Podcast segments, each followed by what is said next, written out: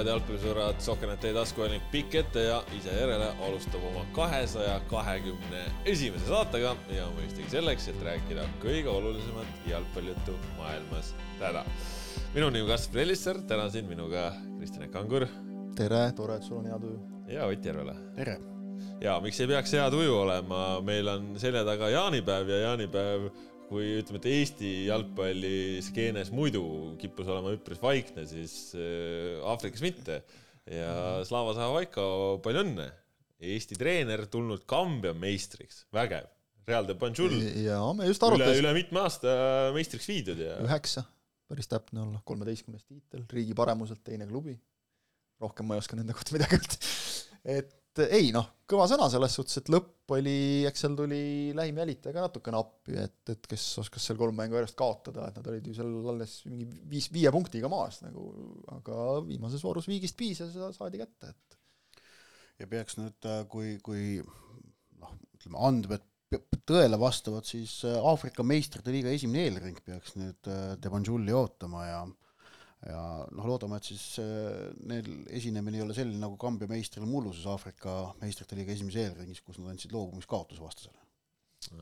seda ei tahaks, seda ei tahaks tõesti näha. väljakule jooksmine on juba nagu samm edasi. ei, nagu pull on vaadata seda kõike, et noh, Man Cityl oli paraad oli see, et buss läbi linna, siis Slava anti Toyota, et vaata, palju siia mängijaid sisse mahub, minge midagi umbes sellist. aga ei noh, palju meil on neid üleüldse nagu, kes on mingisuguse pallimänguala või noh, üleüldse treenerina nagu välismaal kellegi viinud mingi no võidu. palju meil üldse neid treenereid on, kes on välismaal tööd teinud? ei no jaa, noh, ma mõtlen no, jalgpallis, nagu, jalgpallis on vähe, vähe, aga, aga mujal nagu ikka on, eks ole, noh, ütleme, et jalgpallis nagu meistriks viia, noh, on ka päris nagu keeruline ülesanne, eks ole aga kuskil, ma ei tea, kergejõustikus mõni medal võita, noh, lihtsalt alasid mm. rohkem konkurentsis ka nagu noh, Aavo Keel viis Läti koondise Euroopa meistrivõistlustele yeah., võitis seal Eestit veel, viis kaheksandikfinaali yeah., noh, et Gerd, Kanter on meil praegu Kristjan Tšehhi treener, noh kui me räägime mujalt spordist leiab, eks ole, Rivo Vesik on treeninud siin ühe olümpiavõitjaid. riigi olümpiavõitjaid. ei, olümpiamedaliste. medaliste, jah mm., just. aga et noh, ei no kõva, kõva ikkagi nagu selles suhtes kõik, et, et kõik, mis nagu, kui sa nagu treenerina saad välismaale, et nagu mängijana, sportlasena saada nagu kuskile, on keeruline, treenerid on kordades keerulisem. aga Eestist minna. aga noh, nagu vahva mulle meeldib, see on midagi muud, midagi ägedat, et noh, tee, proovi midagi, võta elus mingi väljakutse vastu ja tasus ära. see on, see on selline hea ekspordiharu, mida Eestis jah, seni väga palju ei ole suudetud avada, aga see on noh, ja, ja see tegelikult toob spordile lõpuks mm, sisse väga palju oskusteavet.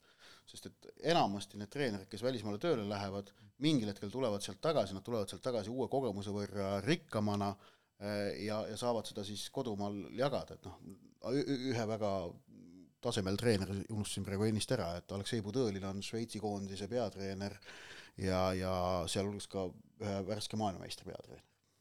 no samas äh, Saha Vaiko jaoks on see ju karjääri esimene asi, mis on võidetud treenerina, et äh, Eestis ju hõbeda ikka võitis Eestis noh. hõbe, mis hõbe jalgpallis ei, ei ole ju nagu selles mõttes. nojah, okei, okei. et noh okay., nagu nüüd on päriselt nagu tiitel käes, et noh, Paidel ju karikavõitja ja superkarikas tulid Voolaidi käe all, nii et selles mõttes Saha-Vaiko on nüüd treenerina ka noh, kõva asi noh absoluutselt. ja just, just see, eks ole, et, et noh, ta, ta, ta nagu natukene, mingi väike kibedus korraks vist oli, eks ole, et, et kui ta Paidest lahkus, et, et noh, mis on loomulik nagu, et et, et noh, just see, et sa leiad endale mingi uue väljakutse, meil on nagu neid palju, kes jäävad kuidagi ripakile, et, et nagu Slava on tore inimene, hea meel tema pärast, palju õnne. jah, äh, jah, ja muidu siis äh, jaanipäevad äh, läksid rahulikult, meil on üks kuulaja küsimus tulnud ka pühadega seoses, et kas klubide sotsiaalmeediakontodel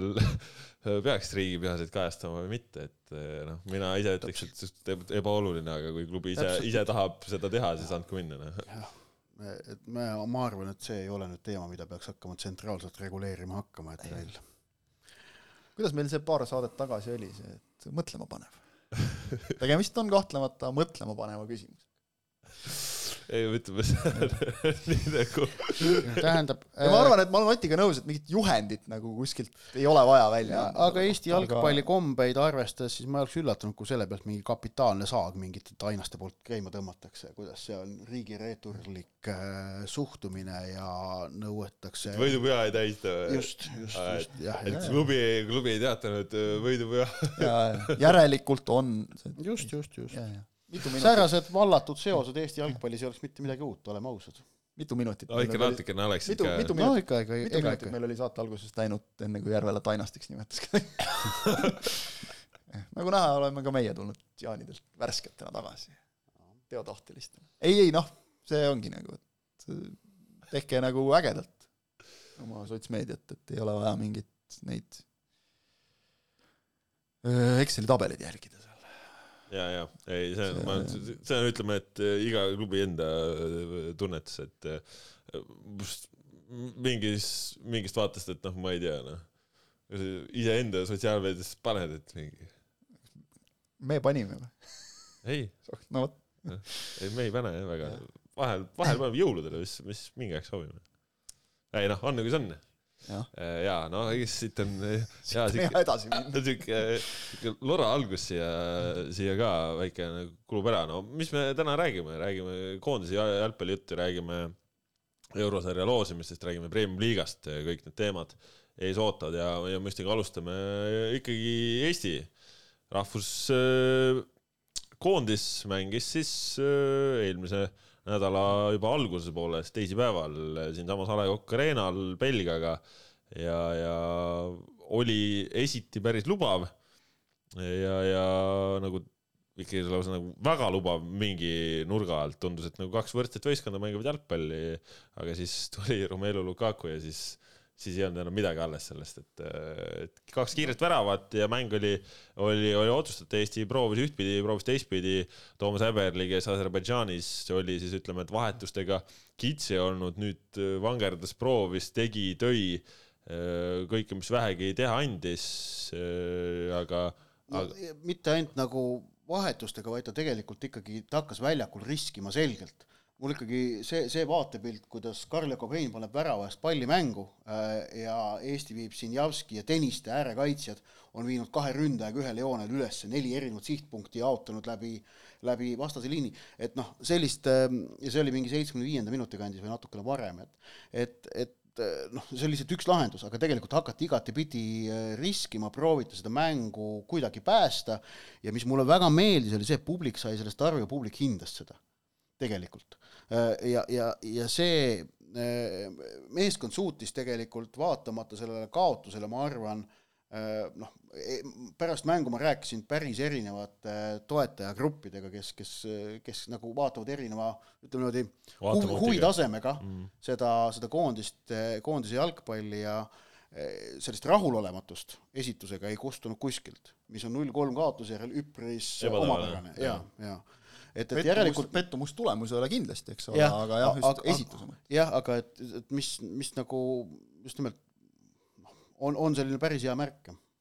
ja selles mõttes äh, ega ju noh, endal oli ka selline tunne, et äh, kahju nagu, et ei saanud midagi, aga, aga võistkonnal nagu väga raske midagi ette heita, et äh, nojah, et kaks-null värava puhul see, need, need duelli kaotused, aga noh, samas vaatad jälle, kuivõrd lakooniliselt Belgia selle olukorra lahendas, kuidas Jannik Carrasco selle vasakusse äärde söödu andis ja sealt kõik nagu hargnema hakkas, siis, siis noh, see on, see on paraku see maailma tippkvaliteet, mida meil võtta ei ole, noh, Lukaku üks-null väravast rääkimata, et seal mm., seal jah, muidugi, ka sealt leiab asju, mida oleks saanud teha paremini, et noh, kuidas ääre peal palli ei klaaritud või mis iganes mm, -hmm. aga tegelikult sa vaatad ainult seda tsenderdust, mis on super, ja siis vaatad seda Lukaku lööki, mis on noh, hüpersuper ja, ja tuleb nentida, et noh, et vahest jalgpallis on nii, et vastane lihtsalt on parem. ja seekord Belgia oli lihtsalt parem, et Eesti ei teinud otseselt midagi väga palju halvasti või valesti, plaan minu meelest, millega Eesti me- mängule vä- läks, oli Toomas Häberlile omaselt äh, vägagi mõistlik mm -hmm. ja, ja asjakohane, aga lihtsalt seekord polnud jõudu, et seda, selle plaani kaudu tulemuseni jõuda.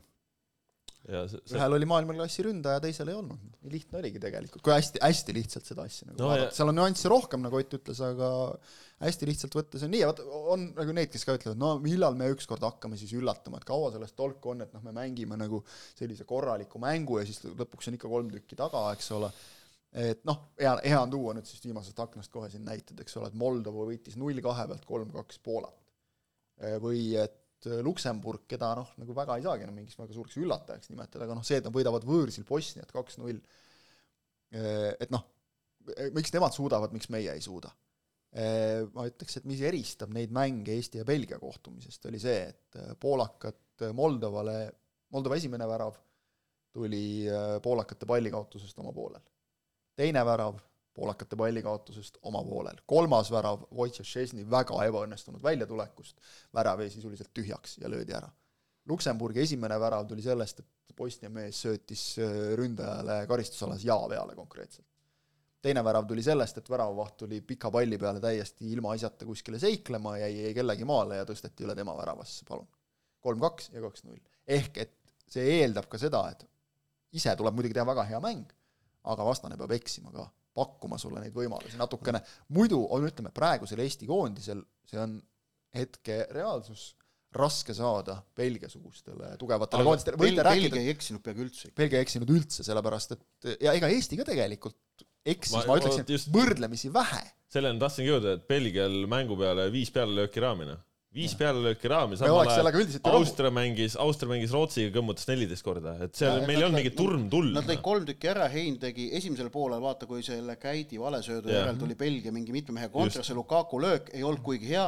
ma ütleks, et see ei olnud mingi selline supertõrje, see oli tõrje Jah. ja siis teisel poolel tegi Hein ühe supertõrje ka, Jah. jalaga võttis ära. jah, noh, see oli juba lõpus, eks ole, oli juba kolmas löödud, eks ole, et, et aga, aga see, veel ei olnud no veel ei olnud, õige enne kolmandat. Mhm. aga Selle-, aga seesama see Lukaku võimalus, noh, see tuli selgelt nagu meie enda eksimusest, käidi mm. nagu ei no suhteliselt k- kõik... kõik, rämedast prohmakast, ehk et noh, me nagu pakkusime, nad seekord ei kasutanud ära, aga mänguliselt neil rohkem ju väga palju võimalusi ei olnud.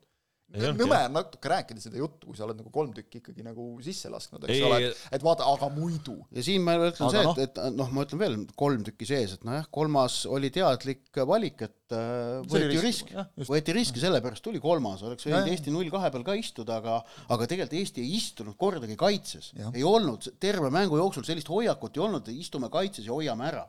no ei olnud noh, jah, et noh, sa muidugi võid nagu, nagu iga mängu puhul, et, et võib leida nagu väga palju negatiivset, aga ma ei tea, me nagu oleme need lollid optimistid vist, kes otsivad nagu positiivset, et noh. ei no, no muidugi, siit on, siit on minu meelest sellest mängust on nagu väga palju võtta, eriti kui ma, okei okay,, Belgia on jäänud võib-olla veidikene nõrgemaks, neil on teatav põlvkondade vahetus käimas, nagu võib-olla mõnes mõttes ka see Austriaga mäng näitas, aga kui me räägime, et Belgia on jäänud natuke nõrgemaks, siis noh, see on Maailma- ikkagi ülikõrge tase, eks, võib-olla nad ei ole top neli riik, eks ole, aga, aga nad on ikkagi, nad on Euroopa tipp.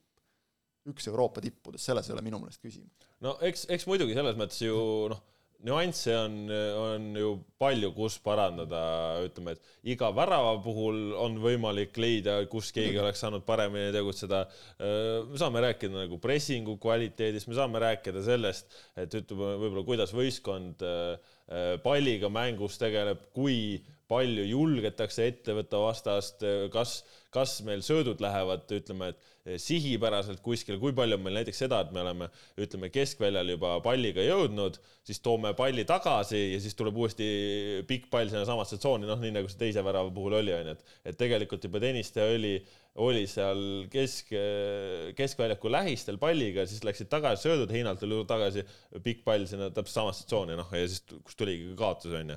et noh, mingeid siukseid asju nagu, et seda arenguruumi on nagu, seda, sellest, seda ei ole mõtet väita, aga, aga ütleme, et et, et ei ole mõtet väita, et seda ei oleks, aga, aga ütleme, et nagu kuidagi nagu tervikuna mingisugune on, on see tase, kus sa suudad olla, mingi asi on see, kus sa suudad asju väärikalt teha ja ma arvan, nagu Eesti hoolimata, et kaotus null kolm, mis on ju tegelikult üliselge kaotus numbriliselt, siis noh, ei olnudki nagu siuke halba tunnet ja ka, ja ka need Esi, inimesed esi, esitus oli väärikas, just nimelt. ja see inimesed, kes olid, olid statkal, et nad tõesti pärast, noh, ma rääkisin inimestega, kes no ei käi jalgpalli vaatamas öö, muidu ja olid siin Belgia mängul, ütles, et nagu väga lahe kogemus, et öö, atmosfäär oli hea ja nagu kõik Vaata- olid, nad tulid ülipositiivsete kogemustega. kui sa nagu mõtled, et noh, okei okay,, veel, et kui me nagu kiidame Eesti koondist, siis see ei tähenda nagu kõikide nende parandamist väärivate asjade mahasalgamist, mida sa Jaa. just kirjeldasid, eks ole, aga ei, suures plaanis oli nagu ikkagi see, et noh,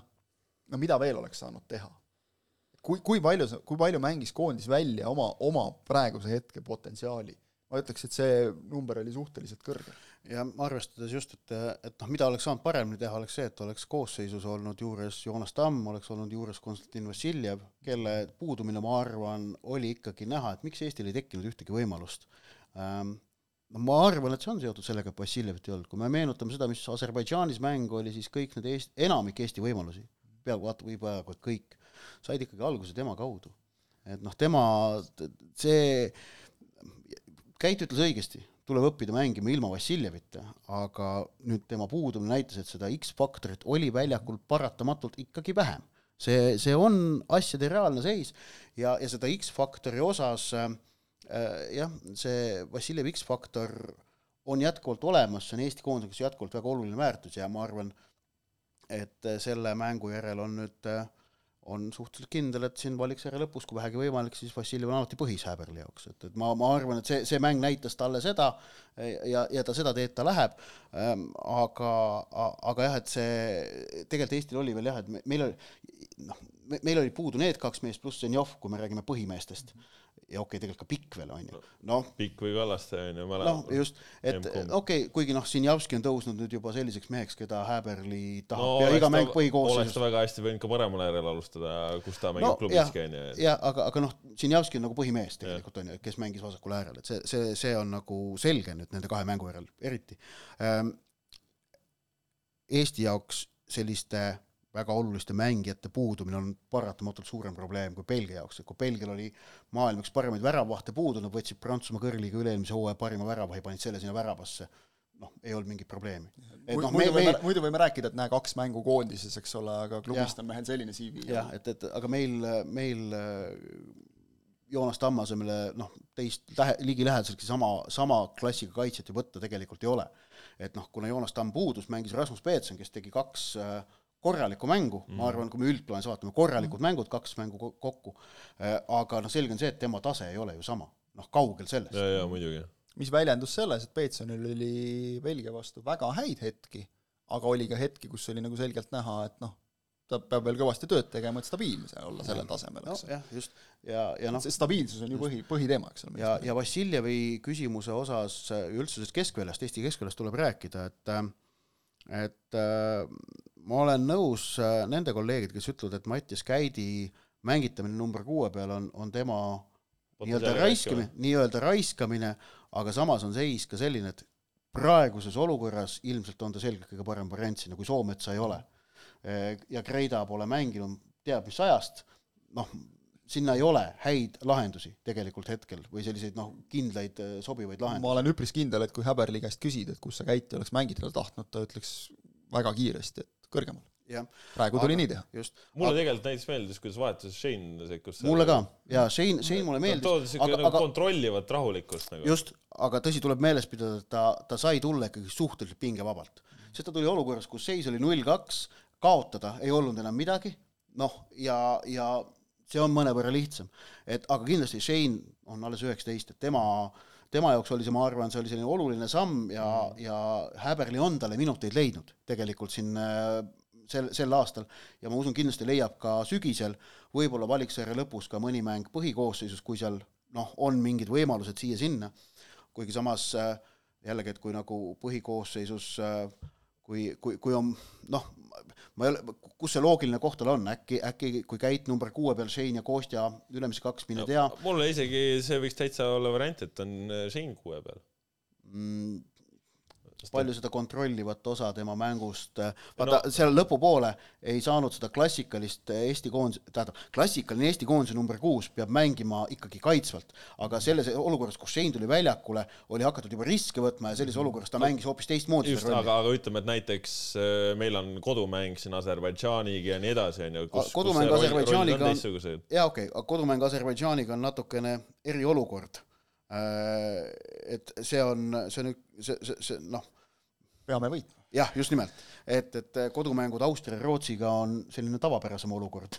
noh, kui me võtame selles valiksarjas neli sa- kodumängu on nagu-, kolm on ühte tüüpi, üks on teist tüüpi. ja kui sa tahad nagu mängida, eks ole, noh, võtta nagu teatavat riski Shane'i mängitamisega tuleviku nimel, siis nagu need on need kohad, kus jaa, kus aga ta, ta lülitas, aserite mäng, ma arvan, et noh, Häberli jaoks pigem ei ole. ta lülitus hästi äh,, mulle Markus, isiklikult meeldis ka Dunjovi tulek nagu, et ta on ka, sai nagu palju kriitikat, aga minu meelest ei olnud õnnestunud sekkumine. minu, minu jaoks ei olnud jah.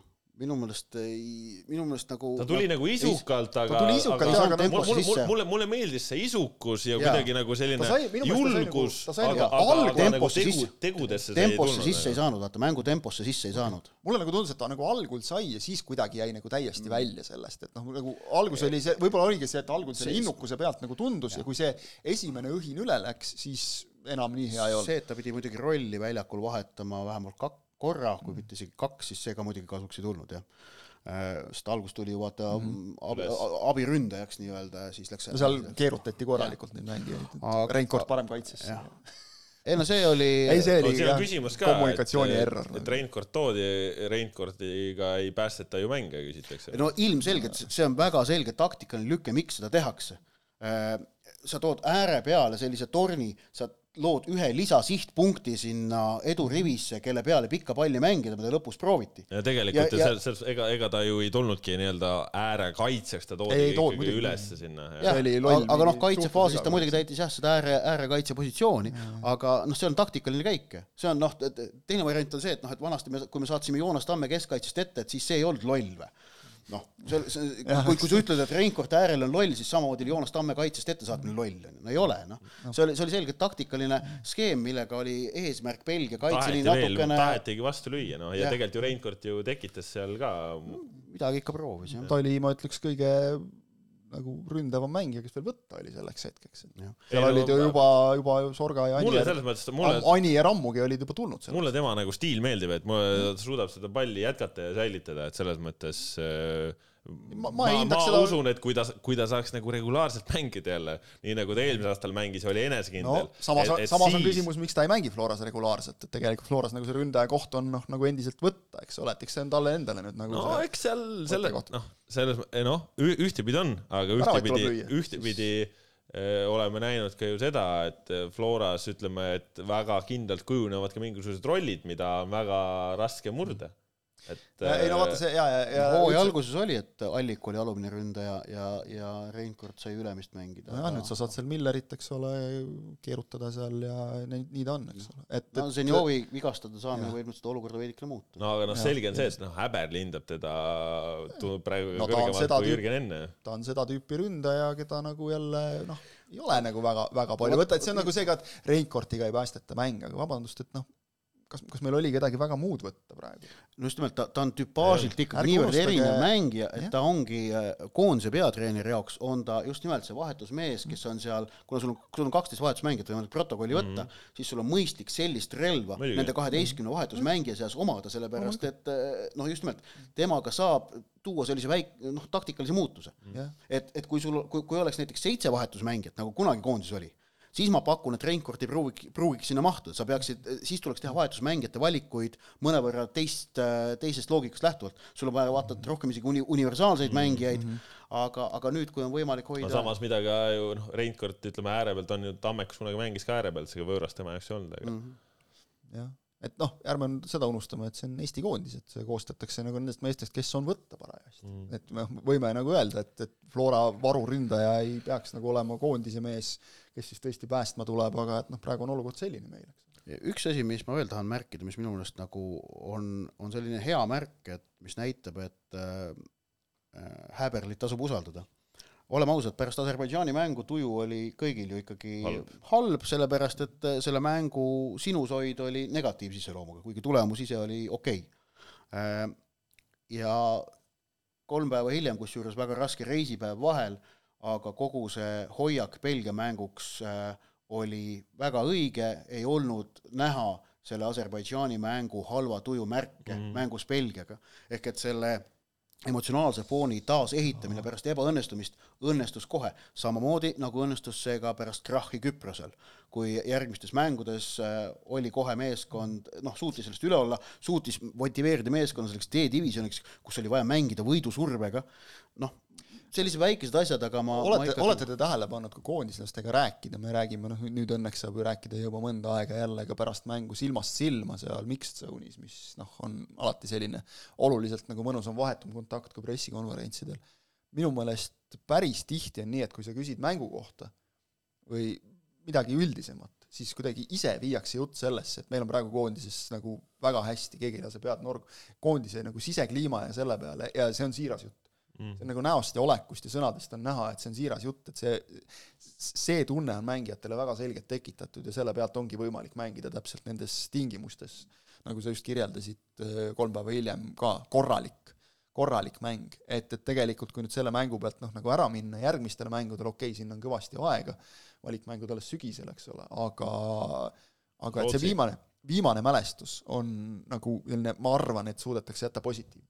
No ja see oli ju tegelikult ka ju aasta esimene kodumäng alles, et mis ka, mida oli väga oodatud ja, ja tõesti noh, vägevalt rahvast, Ei no uut see- rekordit ei tulnud, aga nagu noh, tõesti oli see ligi kaksteist tuhat pealtvaatajat, see on väga kõva sõna. Täisstaadion on täisstaadion, see tunne, mille sa sealt saad, kui sul on nii-öelda neli seina ümber ja mitte kolm ja siis üks tühi tribüün, see on hoopis muu asi, ma kujutan ette, et see on, see on ikkagi see, et sa mängid nagu rahva keskel mm. -hmm. noh, katlas kuidagi, väike katel, aga siiski katel. ja, ja tulid nagu suhteliselt hästi, ma ütleks ka, noh okei okay,, skoor, eks ole, esimese poole lõpus kaks kiiret väravat muidugi tõmbas nagu masti maha, aga aga enne seda ja tegelikult ka mingil määral teisel poolel, et tulevad ka küljetribüünid juba nagu korralikult mm. kaasa, ei saa eeldada nii nagu fännitribüünilt seda ja, ja loomulikult selle null kahe pealt noh, raske on hoida nagu emotsiooni laes. aga jällegi asjaolusid arvestades ma ütleks, et oli hästi sellega. no,. fännitribüünil oli veidramat sorti kemplemist ka, aga noh, no lollakad on alati, ütleme selle kohta, ma ütlen selle kohta nii, et ärme sellest nagu Jaa, liiga suurt numbrit ka teeme. Eesti siis selle aasta suurim spordipublik, Rally Estonia lööb selle üle, aga, aga eks näis, kas midagi muud äh, ei pruugigi tulla, jah. tulekul on, noh, proovige selle üle, no tähendab, proovige viiekohaline summa teha, ei ole nii lihtne. Rootsi, Rootsi või Austria mänguga, noh, eks näis, tundub keerulisem, ei ole sellist tõmbenumbrit nagu Lukaku. oleks me, jah, jaa, aga ei ole niivõrd kõva. ei ole, ei ole, kuule, ole. et see, see vaata, see, Rootsi see viimased kaks-kolm tuhat tulevad just nimelt selle Lukaku pealt, oleme ausad, noh. Eh, Rootsi näiteks Zlataniga ja nüüd ilma Zlatanita, noh, kaks eri asja, ma arvan. täi-, täiesti kindel nagu, et äh, Aleksander Iisak ei tõmbaks-, noh, väga kõva ründaja. kõva mees, Premier League'i äh, top neli klubi ründaja, eks ole Jah,, ja äge vend kõik. David Alaba Madridi Real, Jah. Aga noh, ta ei ole Lukaku, et Mhm. sul on see, sul on see superründaja juures, et see annab ikkagi niivõrd palju juurde. oli veel variant, et on ka De Bruyne, noh, tegelikult alguses Mhm. noh, Alaba ei, Alaba ei ole superstaar. selles mõttes, nagu Mhm. tähenduse mõttes. mängijana võib sinna kuuluda täiesti, eks Mhm. ole, kõik Real Madridis mängivad, on põhimõtteliselt, aga aga muidu publikust rääkides, siis ma, üks huvitav asi, sattusin nädalavahetusel telekat klõpsides sellise huvitava asja peale nagu naiste Euroopa meistrivõistlused korvpallis, mille otsustavad mängud nädalavahetusel Sloveenias mängiti.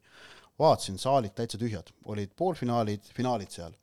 ja, ja noh, Sloveenia naiskond ise öö, lõppnelikusse küll ei jõudnud äh,, aga ka siis tuli mul meelde, et, et noh, meil oli siin ju naiste U seitseteist jalgpalli EM-finaalturniir, mille finaalkohtumisel, kus ei olnud ka Eestil mitte mingit noh, lootust ka seal osaleda ja mitte mingit, ühtegi tuntud sportlast polnud väljakul, et meil oli siin üle kolme tuhande kahesaja pealtvaataja või oli kolm tuhat kakssada, mis on um, üle kolme tuhande, jah, et, et see oli siis kaks korda rohkem, kui naiste korvpalli Euroopa meistrivõistluste finaalmängu vaatas ma siin ei taha võrrelda spordialasid, vaid äh, see, see, ma arvan, ei olegi siin paslik, vaid näitab seda, et et äh, kuidas jalgpall suutis Eestis tuua ikkagi väga muljetavaldava äh, hulga inimesi vaatama mängu, millel ei olnud otsest nagu sidet, millega neil otsest sidet ei olnud.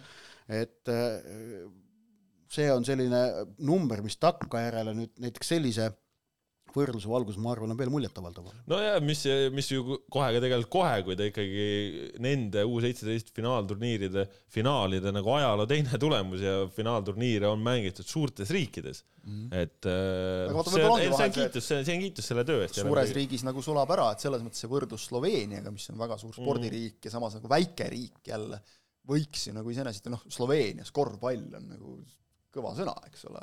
Meil, meil on paar, on üks Luka Dontšit. meil on paar päris head mängijat, lisaks talle ka veel nagu, eks ole. et sul on nagu mm. täielik spordimaailma superstaar olemas, et võiks ju nagu tuua, et noh, jah, naiste koss, eks ole. aga ega nad seal ka nagu kõige kehvemad ei ole, aga näed, nii on lihtsalt. nii oli. Selles mõttes koondist nüüd siis saab oodata jälle septembrikuuni, september tuleb peale, siis ongi Rootsi kõigepealt ja ja siis tuleb veel teine mäng juurde ka. kriisis Rootsi, ütleme ausalt, seda tuleb rõhutada, Rootsi on ikkagi saanud tappa juba nii Austria kui ka Belgia käest ja nende väljavaade EM-ile jõuda on juba praegu äh, halb, sellepärast et äh, valikgrupis neil kahe parema sekka jõudmiseks, noh, nad peaksid äh, ime tegema. No peaaegu, noh, peaaegu, nad peaksid võitma nii Austriat kui Belgiat ilmselt äh, kordusmängus ja siis lootma, et muud asjad ka nendele soodsalt lähevad ning äh, kui nad kahe hulka ei saa, siis nende rahvuste liiga olukord on kehv, sellepärast nad olid B-divisjonis, jäid oma alagrupis viimaseks ja sealt positsioonilt jõuda sõelmängudele noh, ei ole võimatu, aga on pigem keeruline ah,. ja siis sõelmängu, koondise jutu lõpetuseks see, et Eesti koondise väljavaated jõuda sõelmängudele järgmise aasta märtsis, tegin väikse kokkuvõtte ka täna hommikul, võib, võib meil portaalist lugeda, noh praeguse seisuga päris okei. Okay et Wales on ainsana A-divisjoni satsidest oma šansid ikkagi noh, sisuliselt maha mänginud, ülejäänud äh, on äh, kas heas, väga heas või mõni ka normaalses seisus, nii et Eesti vaatevinklist on siis vaja, et kuueteistkümnest A-divisjoni satsist vähemalt kolmteist tagaksid otsepääsme EM-ile, noh, ühel on see juba olemas Saksamaa korraldajana, ehk ülejäänud viieteistkümnest kaksteist peavad otsepääsme valikturniirilt saama, siis saab Eesti sõelmängudele. Noh, praegu ma ütleks, et pigem on šansid head. Jah, ja mängida selle Rootsiga, kes tuleb meil üheksandal septembril siia nagu teadmisega, et, et noh, kõik alla võidu on täielik põrumine ja noh, väike press on peal, loodame, et nad ei jõua peatreenerit vahetada selleks. Juba siin vaatasin mingeid lugusid, et Janne Anderson juba natukene nagu noh, veel, veel nagu otseselt ei kangutata, aga noh, nagu küsitakse, et kuule, et ega äkki nagu ei peaks minema, sest et noh, jah null kolm Belgiaga, null kaks Austriaga ja see, et sa vahepeal viis-null lasereid võitsid, noh, sellega kaugele ei sõida nagu eriti. jaa, no vot sellised koondise jutud siis koondisega paralleelselt eelmisel nädalal pakkus ikkagi kõvasti kõneainet ka eurosarjade loosimised, et teisipäeval juba sai need esimesed tulemused ja kolmapäeval natuke tilgutati veel peale ka.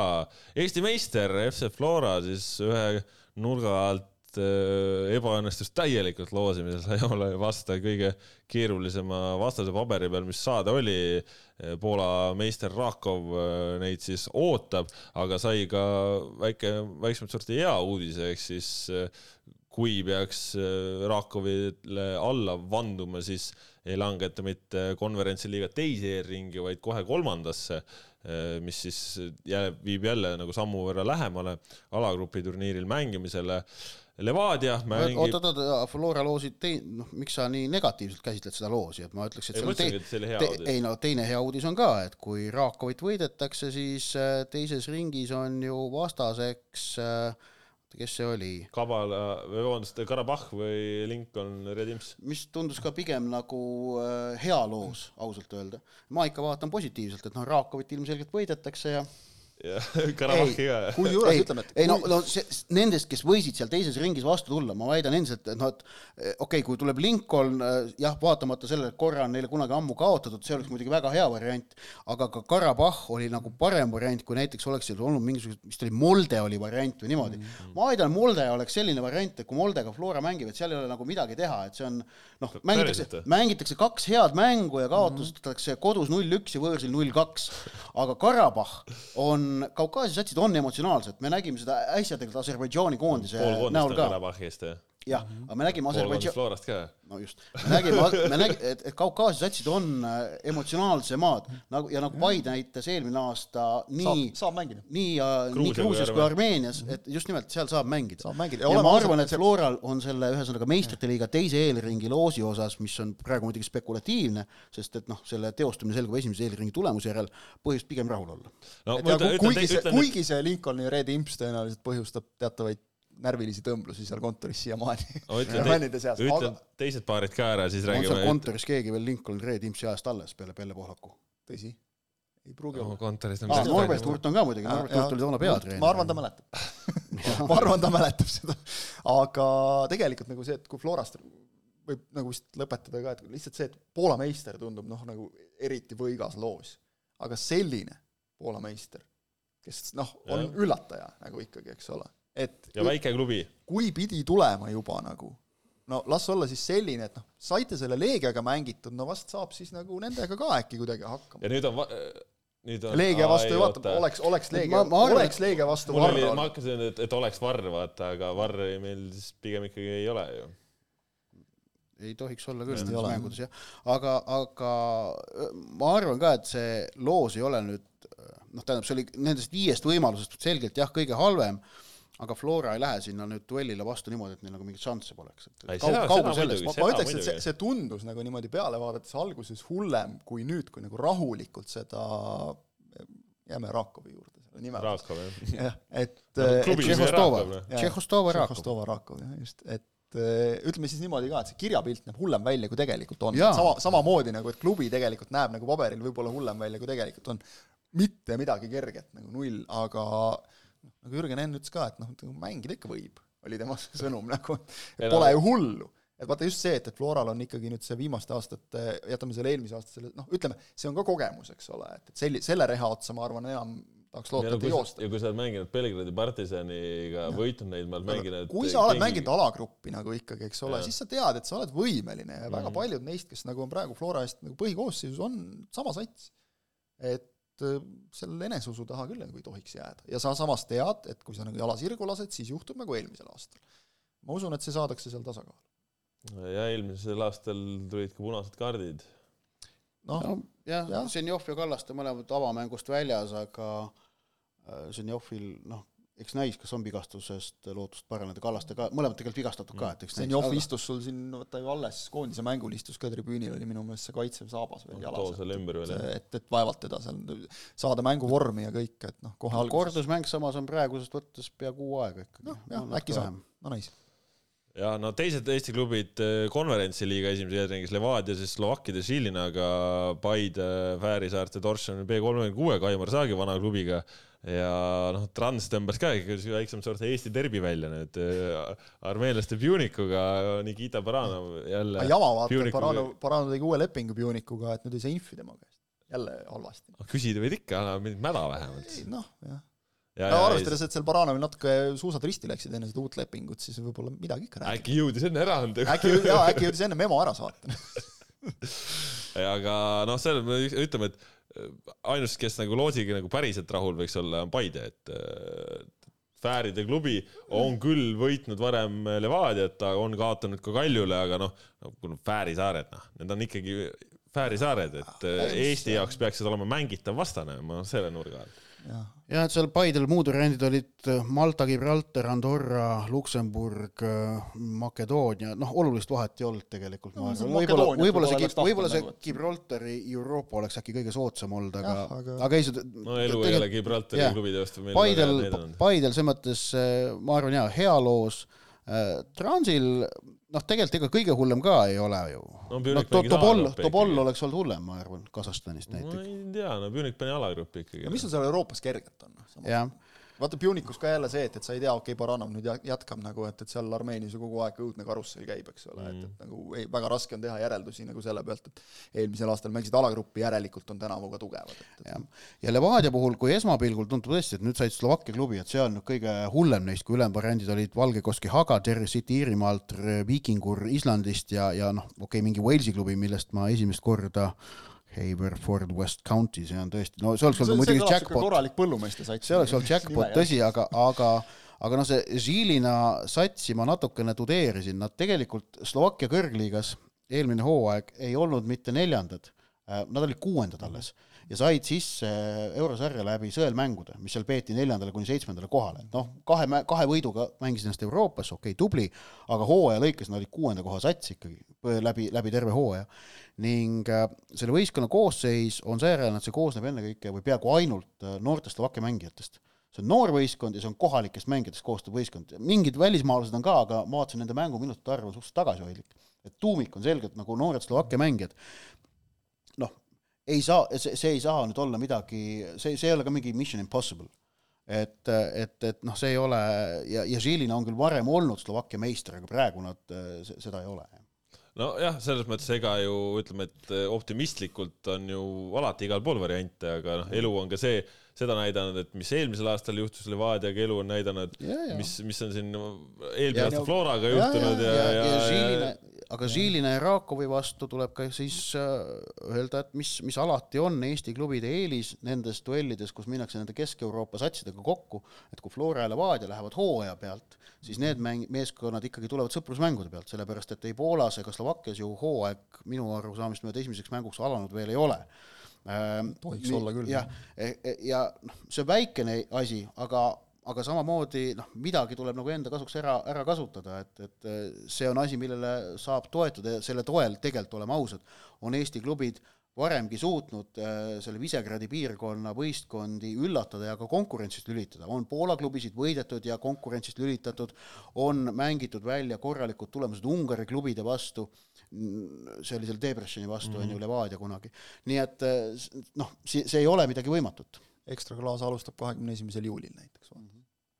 Et äh, noh, okei okay,, ettevalmistus neil käib, eks ole, ja, ja kõik see, siis nagu noh, kehvad satsid nad nagu ei ole, eks, aga, aga kas või see, et kahe hooaja vahel sul on ikka mingid muutused, eks ole, meeskonnas ja, ja mingid asjad no, ja nagu näiteks Rakovil on uus treener ja on ju. jaa, just, eks ja, ole, ma nüüd ei ole seda ma nüüd kuulsin, ma ei ole uurinud, aga nad olla vist ka koosseisu päris arvestataval määral siin kahe hooaja vahel vahetanud mm. -hmm. vot, ja Transi kohta öeldud, siis Transil ma arvan, on see, et kui nad suudaksid mingi ime läbi võõrsil esimese mängu näiteks viiki mängida, et noh, et Pjunik tuleks kordusmänguks siia niimoodi, et neil oleks kergelt nagu ikkagi kõhe, siis võib juhtuma hakata, sest et jällegi, Kaukaasia satsid, emotsionaalsed satsid ja me oleme näinud seda varem ka.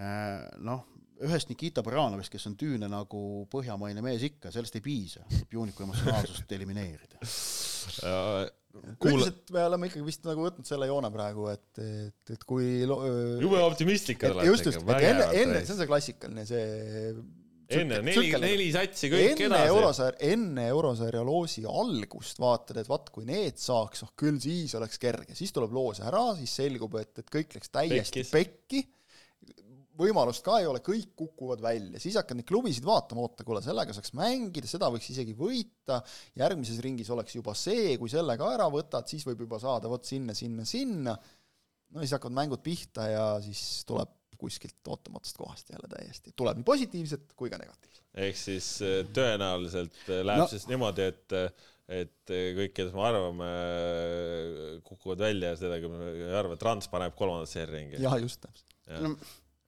aga, aga see on eurosarj, noh, aga eurosarjas äh, selle loosi õnnele lõputult lootma jääda ei saa, et tuleb mängida see, kes ette satub, tuleb, tulebki sellega mängida. palju sul seda eurosarjas seda loosi õnne nagu selles mõttes on ka, et, et noh, vahel sul satuvad sinna seltskonda sellised klubid, kes on tõesti noh, üks on sul seal ülikõva ja siis teine on selgelt noh, mingisugune suur üllataja, ma ei tea, karikavõitja või keegi, eks ole, kes on sattunud kogemata kuidagi Euroopasse aga no enamasti on seal ju ikkagi nagu korralikud satsid no,. et noh, sa ei saa no,, kui sa Euroopasse juba saad, siis noh, seal ei saagi loota mingi õnne peale. ja kui Paide juhtub seda Torshavnit võitma, siis vastas on kas Skend ja Makedooniast või seesama, see naljaka nimega Walesi klubi. päris okei okay loos, ma ütleksin selle mm -hmm. kohta. no Levadial muidugi on jama jah, et kui Žilinast äh, jagu saadakse, siis oli Hent vist vastas, on ju, jah. Mhm. ja, ja Transil oli ka midagi põnevat, oota, mis aga sul Levadial võimalus näidata, et ega siis Kal-, oli Kalmer äkki või? Jaa, Rootsi Kalmar jah, jah, jah. et, et nagu see, vaata, Hent oli nüüd see, kellega Flora mängis, eks ole, just grupis, et noh, mängis nagu kaks normaalset mängu nendega, et nagu midagi hullu ka ei olnud. Ei no tegelikult ka noh, et, et ei olnud ju midagi nagu üle mõistuse nagu siuke, et no, noh, Hentilt ikka saadi kaks normaalset mängu jah, aga kaks väga selget kaotust saadi ka minu meelest. no meil kuulaja küsib, kui suurteks peab protsendimeister Ott Järvela Eesti klubide võimaluse esimeste eurovastaste võitmiseks, esimest, aga ma ütlen, ma ütlen, enne kui sa ütled siis nende esimesed eurovastaste võitmised, need protsendid ära, siis eh, et alagruppi jõuda, Levadia, Paide, Trans peavad alistama neli vastast, Floral tänu õnnelikule loosile piisab kahe vastase alistamisest, ükskõik mis hetkel kaks vastast alistada, Flora on edasi, sest nad said alagrupis jah Jah., seda küll jah. nii, aga Ähm, nüüd siis vastased, esimene ring, protsendimeister FC. Flora võimalused Tšehhostoba Rakovi vastu äh, minu arvutuste järgi kolmkümmend kaheksa protsenti. ahaa, kolmkümmend kaheksa. kolmkümmend kaheksa jah. siis äh, FC Levadia võimalused eh, MSK Žilina vastu minu täpsete arvutuste järgi on äh, kolmkümmend neli protsenti. aa, et neli protsenti vahet, aga Jaa. ikkagi nagu see, ütleme siis võimalikud on põhimõtteliselt siis võit, viik ja kaotus kokku siis ei noh, ma ütlesin edasipääsust edasi räägime, jah. edasipääsust räägime, siis Narva Transi võimalused Jerevani Pjuniku vastu on kuusteist protsenti. kuusteist isegi jah, Mhm. kuusteist, okei okay.. ja, ja Paide linnameeskonna võimalused Torshavni äh, B kolmekümne kuue vastu minu tagasihoidlike arvutuste järgi on viiskümmend kaks protsenti. ahaa, kuule, aga siit tuleb kokku tuleb ju isegi sada protsenti kokku nelja saja juba. mina näiteks oleks Transi edasipääsu võimalusteks pakkunud viisteist protsenti, et mm. -hmm. mul ei ole siukest Excelit ka ees nagu sul, ma näen, ma vaatan praegu. mul on ikkagi noh, seda jah? ülipõhjalik tabel on tal ees praegu, ma näen küll siit kõrvalt. et äh, jah, ütleme, et no tähendab, Looda- kui nagu- kui viisakalt küsitakse, vastan. jah, aga ütleme siis ko- kokkuvõttes, et ainult Paidel oli natukene üle poole, noh, et no aga nii on tegelikult Jah. ju. ma arvan, ainuke, Ei, no- kellel saab pakkuda üle poole, on Paide. ja, ja ma arvan, et Paidel on natukene üle ja poole. lõpuks tänu sellele, et kordusmäng on kodus ja ma arvan, kõiki kusjuures natukene ikkagi toetab see, et kordusmäng on kodus. See tähendab, et võimalik lisaaeg on kodus, see tähendab, et võimalik penaltiseeria on kodus. ja, ja noh, et kuna me ütleme, me eeldame, et neist neljast paarist kolm on pigem tasavägised, noh, Trans on väga selge outsider jah, aga, aga ülejäänud muudel siis need lisa- ja penalti võimalused ei ole üldse mitte väikesed. esimene eesmärk kõigile on see, et, et katsuge kordusmänguks nagu mängitav seis jätta, jah, see on põhiline. ja siis sealt edasi tegelikult protsentidest rääkides, siis lõpuks elu on näidanud, et õigus on ikka Soome suusahüppelegendil, kes ütles protsentide kohta, et täitsa fifty-sixty, kuidas läheb. ja no ütleme, mängud on siis, tulevad mitte siis äh, juuli ametlikult teisel nädalal, kui me vaatame üks kalendri. Täis- teine täisnädal. täis, teine täis, täis, täisnädal on võõrsil mängud ja, ja no kodumängudega selles mõttes pahasti, et kahekümnendal, kus kolm klubi mängivad konverentsi liigat, noh, põhimõtteliselt samal ajal, et, et kolm Eesti euroklubi mängu tahaks saada ainult ühele minna põhimõtteliselt, et, et Tallinnas nagu hästi kiire oled, siis no saad natuke üht, natuke teist, aga aga noh, ja kui oled peast äh, bensu pea ehk et äh, pead juba neljapäeval Rally Estonial kohal olema, siis ei saa ühtegi mängu vaadata. vot, no vot, õnnetud inimesed. jah, sellega on nagu see on. No vot äh, siuksed siis eurosarja loosimise jutud, saame näha siis, kuidas läheb, tõesti aega on valmistuda natukene ja noh, mis on parem valmistumiseks kui ikka kohalik eh, premium-liiga.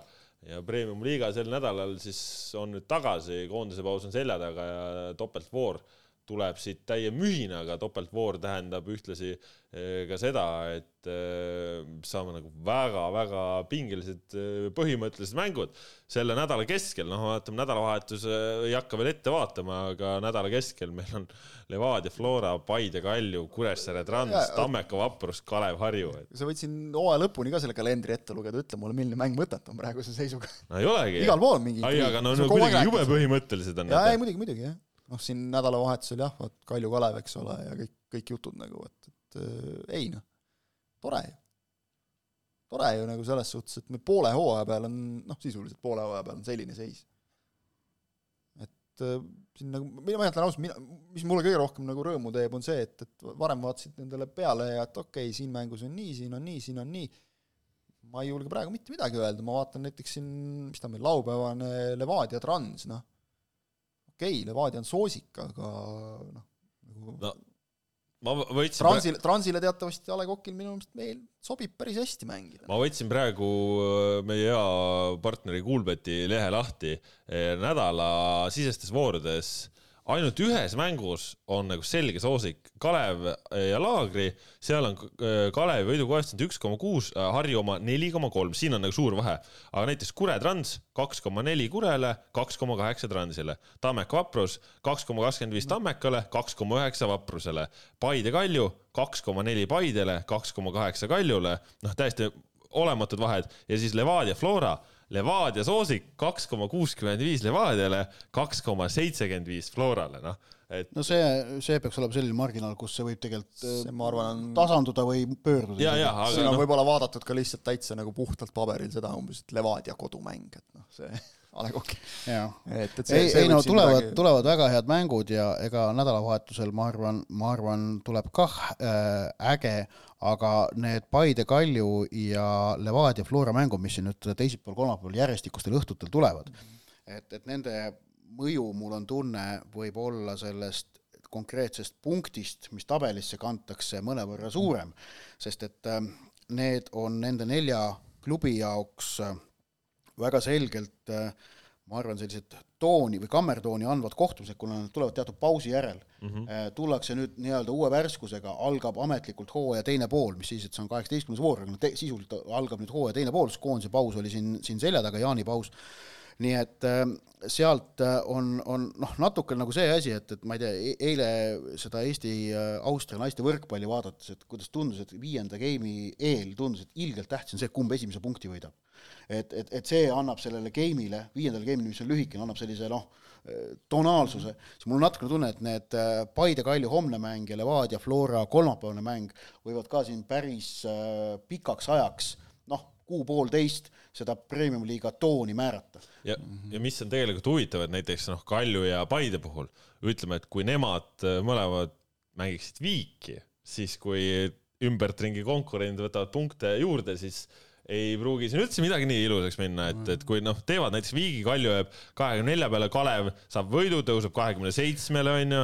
Noh, sest siis tekib juba see olukord, eks ole, et ei, ei, ta on, ta on, ma arvan, just see, et, et punktid punktideks, Aga aga nagu no, see- emotsionaalselt jaa. ikkagi see, et me ei saa sealt nagu välja, et aa, okei okay,, me peame siin edasi võitlema ja siis tekib nagu näiteks, kui nad viiki mängivad omavahel, tekib see, et nädalavahetusel Paidel oleks vaja ikkagi juba jälle siis Vaprust nagu võita. Mhm. ja samamoodi Kaljul oleks vaja kindlasti Kalevit võita, et, et kui sa paned nüüd nagu nende meeskondade noh, neil kahel on selgelt kõige rohkem tõestada. mm. -hmm. Flora Levadia võib minna niipidi, naapidi, noh see See ei määra suurt see, see midagi. ei ole veel otsustav. Kuigi Flora siis noh, läheks Levadiale eest ära natuke rohkem, eks ole, aga Ja aga see ei ole veel ja otsustav Floral vahe. on ju all kaotus Levadialt sel hooajal. jaa, just, ja, ja, ja noh, aga, aga kui nad läheks ka eest ära, see ei oleks otsustav, eks ole. loomulikult ei ole üldse midagi otsu-, otsustav veel tabeliseisu mõttes, aga just nagu emotsionaalses plaanis Paidele ja Kaljule tulla näiteks sellest nädalast läbi, ütleme kas noh, noh nelja punktiga võib rahule jääda. Mhm. tulla sealt kahe punktiga läbi mõlema jaoks, No, sest siin ei võrrelda ainult teineteisega. Siis hakkad vaatama, mis see Kalev teeb, eks ole, mis, Mhm. või samamoodi Kalevil näiteks, eks ole, kellel nüüd ka on suurtega küll olnud mängud, aga noh, kaotused järjest, eks ole, Harju vastu võidukohustus tabelisse vaadates ikkagi ja, ja Kalju vastu, kui nüüd õnnestuks näiteks Kaljut võita, ma kujutan ette, millise emotsionaalse noh, nagu tõusu sellele meeskonnale see annaks seal. kõik, kõik need tegelikult need mängud on mingeid selliseid nüansse täis, et see, see teeb kõige ägedamaks. üks klubi, kelle jaoks on natukene otsustav faas ikkagi kätte jõudmas, on Harju. ja neil on mängud järgmise pooleteist nädala jooksul nüüd sellel järgmisel nädalal kokku vastased on Kalev, Kure, Tammeka. et, et noh, Harju jaoks võib see kolmene seeria päris palju määrata. kui nad sealt ei saa midagi või peaaegu mitte midagi, hakkab juba väga keeruliseks minema tegelikult. aga vastupidi, mida rohkem nad sealt võtavad, seda üheksa punkti ja kaheksateist sanga peale, elu lill. noh, üheksa, noh, kui, kui nad üheksa võtavad, see oleks muidugi ime, aga, aga kui nad sealt kas või viis kätte saavad, ma ütlen, äkki isegi kui kas või neli kätte saavad, kusjuures äh, siis on oluline ka see, et, et Kurele ja Tammekale liiga palju ära ei annaks, on ju. et, et see võib ka neile juba ikkagi anda sellist jällegi natukene hapnikku peale, mis äh, noh, nad on mänginud ju tublilt, keegi ei ütle Harju kohta mitte ühtegi halba mm. sõna terve, läbi terve premium-liiga, aga noh, tabel ei valeta, nad on viimased ja nad on üheksa punktiga ja nad on seitse punkti Tammekast maas. Et vaat saada selle seitsme punkti pealt, ütleme mingi noh, ideaalis seal kolme-nelja peale isegi viie peale, juba palju-palju parem ja siis on mingi haplik peal jälle jah mm. -hmm. et seda tunnet ei tekiks, et, et kuulge, et ikka nagu noh, lootusetuse tunnet ilmselt ei teki, aga et kuulge, ikka pagana raske on. et kõik teised lähevad ees, sa jääd maha, see on alati keeruline. Ja no mis on oluline ka veel võib-olla välja tuua, et siin osad klubid on ju ka juba täiendusi teinud, noh, Levadia näiteks Lepistu Roosnupa tagasi toonud, nemad veel siis mängida ei saa, et, et üleminekuaken ametlikult avaneb nädala aja pärast, et siis, siis saab äh, registreerima hakata mängijaid, et seni tuleb siis ilma hakkama saada, aga noh, Flora ei saa Kreidat kasutada onju. jah, et aga noh, otsustav, otsustav siis nii-öelda andmine ka ikkagi vahetult siis euromängu teel ja kuna meil tõesti sel aastal jälle neli klubi on Euroopas, siis on neid asjaosalisi mänge on kohe hoobilt väga tuli palju. meelde, et näiteks Kalju lõpetas ju selle soomlasest ründaja Eerolaga lepingu, et noh, ei, et nagu Ei soovi korral saaks, saaks nagu jälle ka tuua nagu välismaalast, kui tahad, eks Jah. ole, et, et noh, see, me ei tea, mis seal nagu tehakse, okei okay,, neil on vähem oluline, sest neil pole kolm punkt null. Ei no Eerol Jevor- Jevor on korralik siis- ebaõnnestumine. Jevori puhul siis on null punkt kolm tõenäoliselt pigem nagu see mõju meeskonnale, aga aga noh, neil ei ole vaata muud püüda, kui eks ole seda euro kohta nüüd liiga kaudu, et mm. -hmm. neil pole nagu euromängudeks vaja kedagi tuua, pole vaja rapsida, et see mine tea, kes siin veel turul üle jääb, eks ole, aga noh, juba isegi seal nagu juba natukene kohendatakse ja, ja sät- sätitakse, et kindlasti tuleb, tuleb muutusi. ja, ja noh, ütleme, et suvi tuleb üldse üleminekute mõttes ka, et meil on ju ka äh, neid äh, Eesti jalgpallureid, kes on siin välismaal mänginud ja, ja kes pole veel uusi lepinguid teinud ja nii edasi, et äh, siin läheb põnevaks, läheb põnevaks, seda võib kindlasti, selles võib kindel olla. selles võib kindel olla. no vot, aga ega vist hakkamegi vaikselt siit lõpupoole saama, siin vaatame veel kuulajate küsimuste otsa ka, noh, kuule siin üks siuke lõbusamat sorti küsimus, et kuidas hoiate teie oma motivatsiooni üleval? noh, nagu läbi terve tänase saate olete kuulnud, Eesti koondisega on kõik hästi, eurosarjade klubidel, eurosarjade loos Eesti klubide jaoks oli hea. kuigi protsendid on halvad, aga Premium liiga on suurepärane, meil on kõik hästi, ärge muretsege. meil on kõik, kõik vajalikud äh, noh, signaalid on päike, päike paistab ja sööme kooki ja need klemmid, mis meil on Me saame- ajudesse installeeritud, nende kaudu kõik signaalid tulevad kohale piisab nagu jaa, just, fooliummütsika ka ja pähe ja läheb. mm. -hmm. ei, piisab nagu sellest, et kui tundub, et mingi mäng on igav või, või kuidagi tribüünil tool on plastist ja ebamugav, siis mõtled korraks selle peale, et et kuidas oli mõned kuud tagasi mängudel olla ja kohe läheb kõik üle. ei ole vaja negatiivset otsida. ja ütleme, et ega kui siin Eesti jalka sees nagu toimetad, siis sa pead olema natukene nagu sihuke parandamatu optimist, et et need, kes ei ole, need üldiselt vastu ei pea kuidas meil äh, üks äh, legendaarne vend ütles kunagi, et üksikute hullude pärusmaa. jätame selle üksikute ära, kusjuures seda enam ei pea Enam, ütlema õnneks, aga et noh, natuke peadki segi olema peast. ma ei tea, noh, me, me oleme kõik nagu kolm vist sellised, kellele meeldib nagu jalgpallis leida positiivset, okei okay,, vahel lähme no võib-olla elus ka. elus ka jah, vahel lähme võib-olla nagu üle, üle võlli ka sellega, et äh, kipume nagu tõesti musta selles mõttes nagu valgeks või ilusamaks rääkima, aga noh, vahel juhtub, rahu. ei noh, kui siis meie arvamus, pean vihast ümber kukkuma selle peale, kui millegagi nõus ei ole. ja noh, ütleme, et nagu, nagu Ott ütles, et vaata, kui ilusti küsitakse, et kui on nagu sihuke hea sihuke kriitika, siis alati võib ju arutada, et saatke küsimusi ka meile, me hea meelega arutame. oli veel midagi põnevat ei? saame hakkama vist tänaseks küll, et Instagrami nõu ei vaja keegi rohkem.